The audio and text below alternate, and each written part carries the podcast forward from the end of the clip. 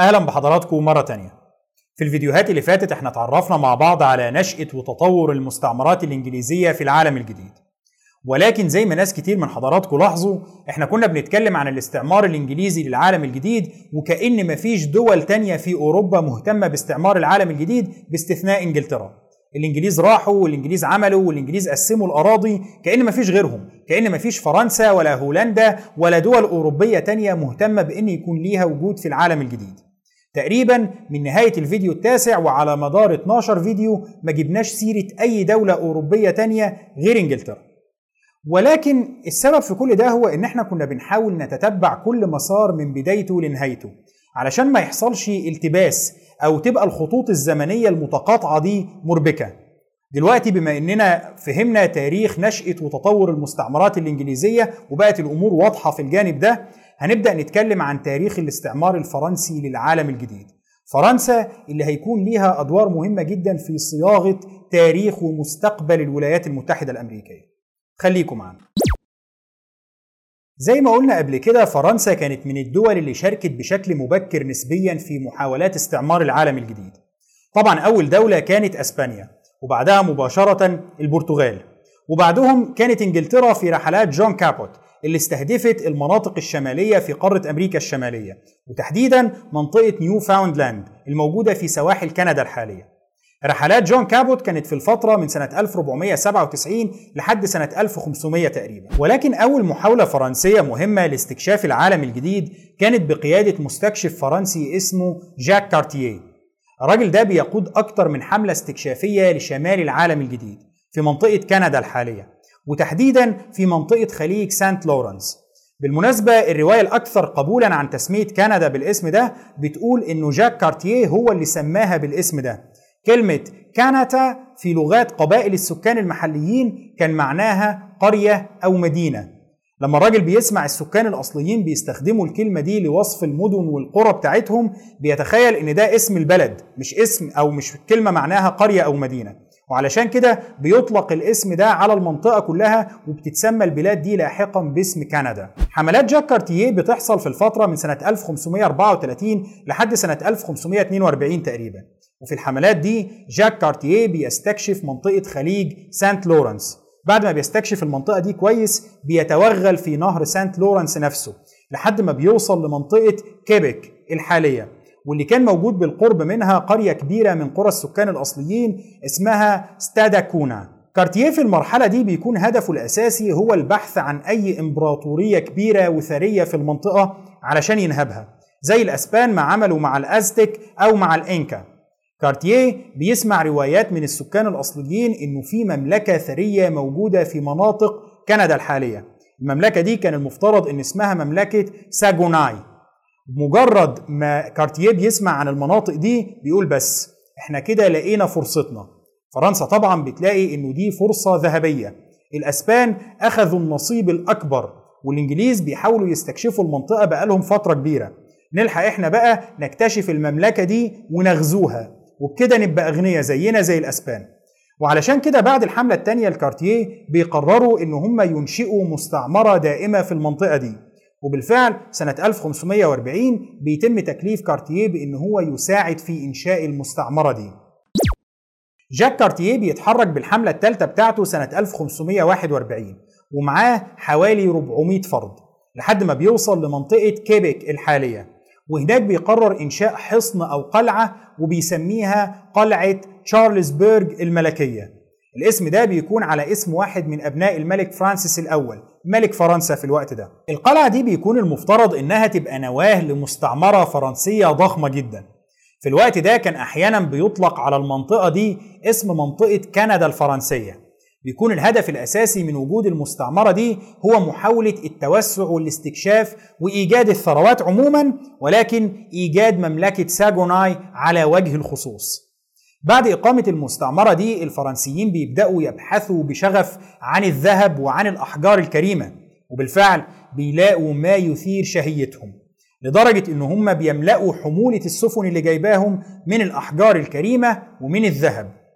ولكن مع عودة السفن دي لفرنسا بتظهر المفاجأة. في فرنسا بيكتشفوا إن الذهب المرسل من العالم الجديد مش ذهب ولكنه ذهب الحمقى. اللي هو أحد مركبات كبريتيد الحديد اللي بتتميز بلونها الذهبي واللي ممكن يخدع ناس كتير جدا. كنا اتكلمنا عن الموضوع ده قبل كده لما تناولنا بدايات المستعمرات الإنجليزية برضو لأن هم وقعوا في نفس الخطأ ده. أما الأحجار الكريمة والماس اللي كانوا باعتينه من العالم الجديد فبيكتشفوا في فرنسا إن هو قطع من الكوارتز. لكن لا في ذهب ولا في ماس. عموما مستعمرة تشارلزبرج نفسها ما بتطولش كتير.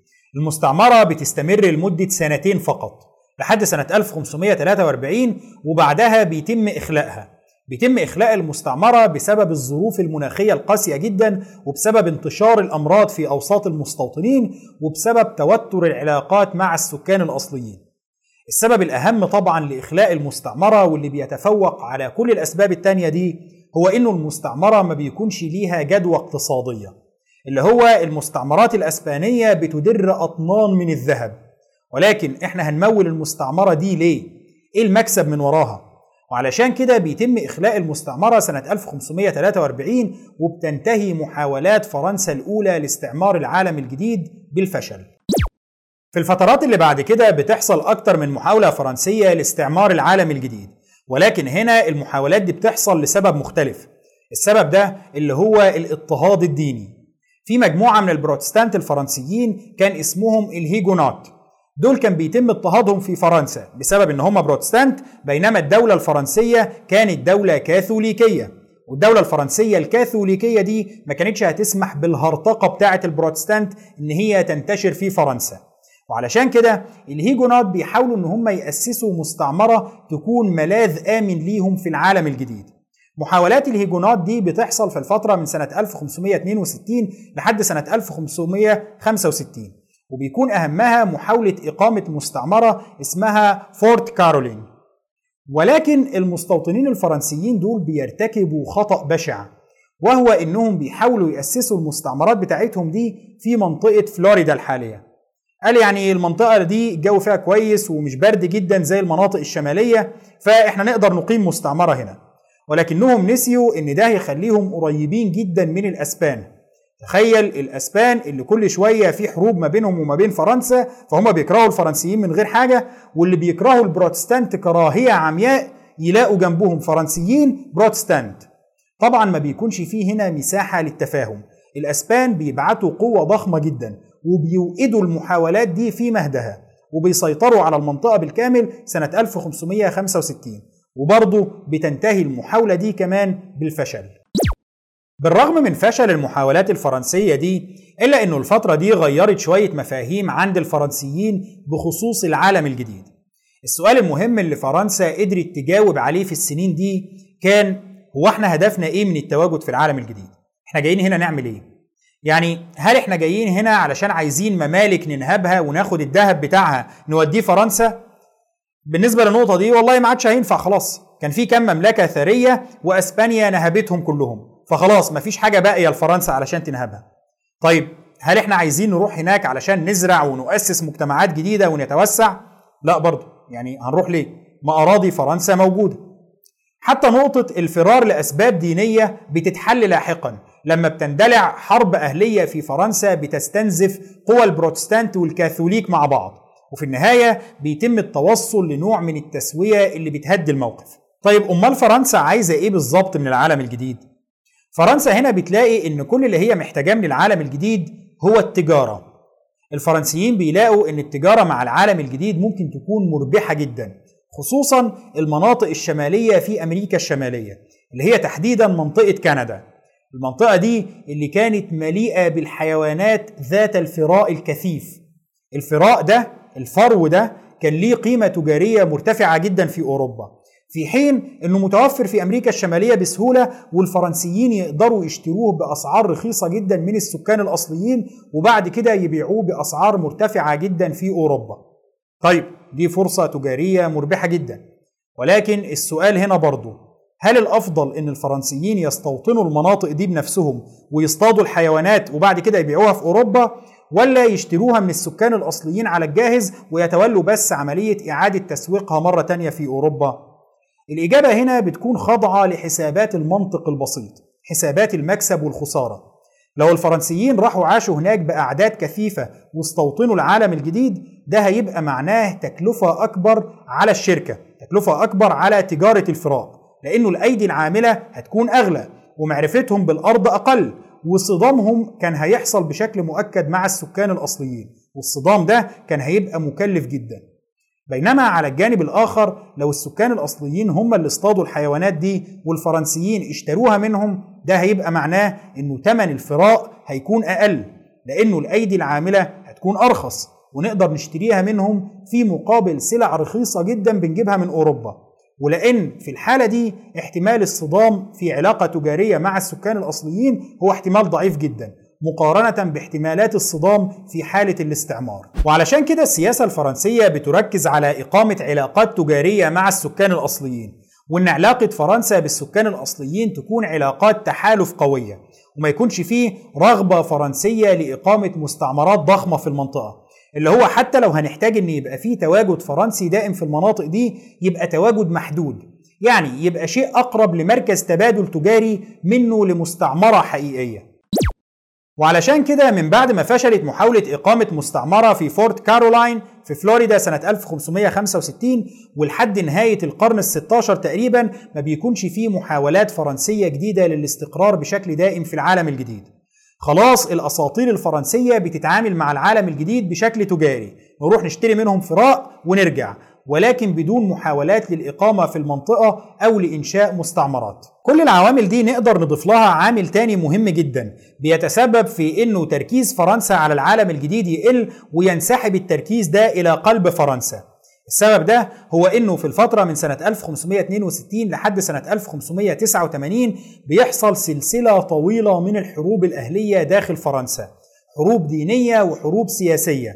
الحروب دي بتحصل أساسا كجزء من الصراع اللي كان مشتعل في أوروبا كلها ما بين البروتستانت والكاثوليك. وبعد كده الحروب بتستمر لفترة تانية مع أسبانيا. وده برضه بيشغل فرنسا جدا ويعطلها عن محاولات استعمار العالم الجديد أو حتى مجرد الاهتمام بيه ولكن إحنا قلنا قبل كده إنه الملك فيليب الثاني ملك أسبانيا بينجح سنة 1598 في إبرام اتفاق سلام مع فرنسا. اتفاق السلام ده هو اللي بينهي حالة الحرب اللي كانت قائمة ما بين أسبانيا وما بين فرنسا. وعلى الجانب الآخر داخل فرنسا نفسها في نفس الفترة دي بيكون تم التوصل لتسوية. التسوية دي كانت تسوية دينية وسياسية. بموجب التسوية دي هنري الرابع اللي هو كان متزعم ثورات البروتستانت والتحركات العسكرية بتاعتهم داخل فرنسا بيوافق على إن هو يتحول إلى الكاثوليكية.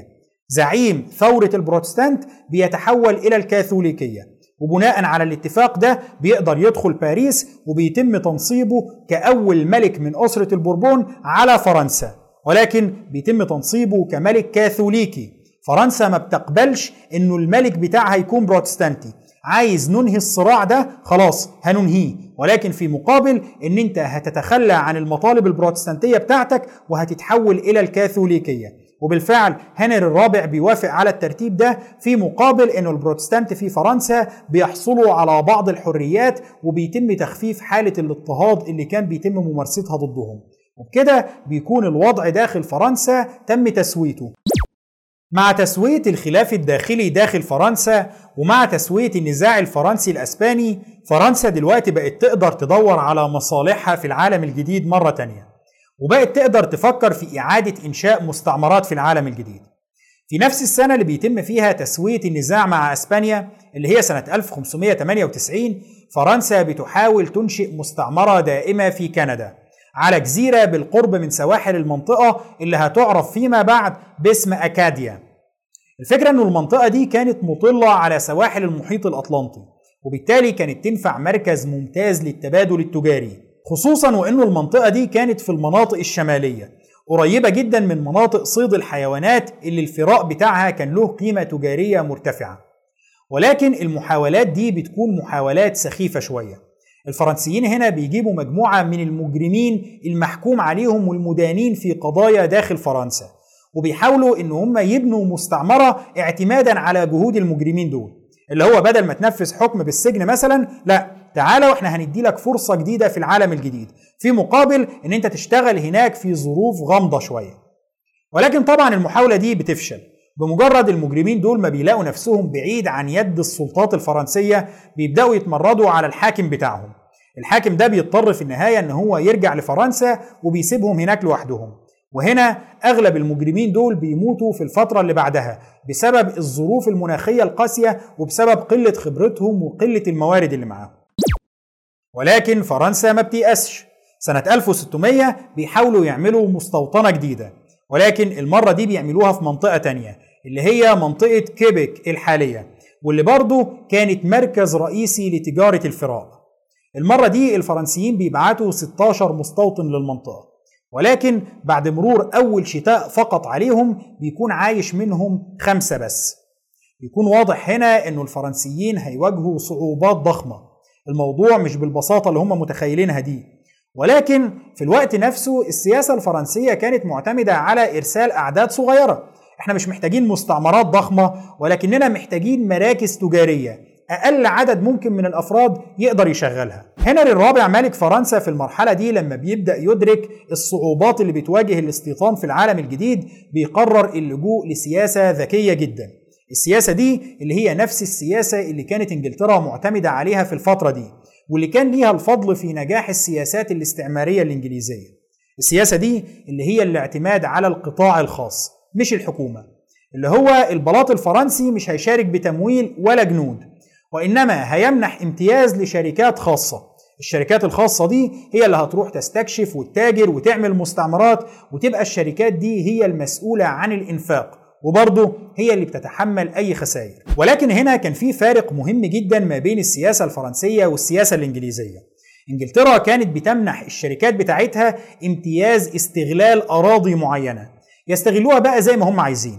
مناجم زراعة تجارة صناعة هم أحرار. بينما فرنسا كانت بتمنح في المرحلة دي امتياز نشاط تجاري معين اللي هو نشاط تجارة الفراء الملك هنري الرابع بيمنح الحق الحصري في تجارة الفراء لتاجر اسمه بيير دوغوا سنة 1603 دوغوا بيحاول إن هو ينشئ مستعمرة فرنسية دائمة أو مركز تبادل تجاري في منطقة أكاديا. وبالفعل الجهود بتاعته دي بتنجح بشكل جزئي وبيتم إنشاء مستعمرة في منطقة أكاديا سنة 1605 المستعمرة دي اللي هتتسمى باسم بورت رويال. ولكن المستعمرة دي بتواجه صعوبات ضخمة ونتيجة خلافات ما بين البلاط الفرنسي ودوجوا بيتم سحب امتياز تجارة الفراء منه. دوجوا هنا ما بييأسش. الراجل بيرجع مرة تانية للبلاط الفرنسي وبيحاول معاهم لحد ما بيوافقوا في النهاية على إن هم يجددوا حق الامتياز الحصري بتاعه لتجارة الفراء في العالم الجديد لمدة سنة واحدة. معاك سنة ورينا الإنجازات اللي أنت هتقدر تعملها فيها. الراجل هنا بيكلف مغامر ومستكشف فرنسي اسمه تشامبلين. بيكلفه إن هو يعمل مستعمرة تانية أو مركز تبادل تجاري جديد. ولكن المرة دي بيكون عايز المركز ده يكون أقرب لقلب مناطق التبادل التجاري وصيد الحيوانات اللي عندها فراء ذو قيمة تجارية. وبالفعل تشامبلين بعد بحث مطول بيقع اختياره على منطقة كيبك نفس المنطقة اللي كان تم إنشاء مستعمرة فرنسية فيها أيام جاك كارتيه سنة 1541 اللي هي مستعمرة تشارلزبرغ. وفي سنة 1608 بيوصل تشامبلين ومعاه حوالي 25 مستوطن فرنسي لمنطقة كويبك. وهناك بيبدأ في إنشاء تحصينات علشان تبقى التحصينات دي هي نواة للمدينة اللي هتعرف باسم مدينة كويبك.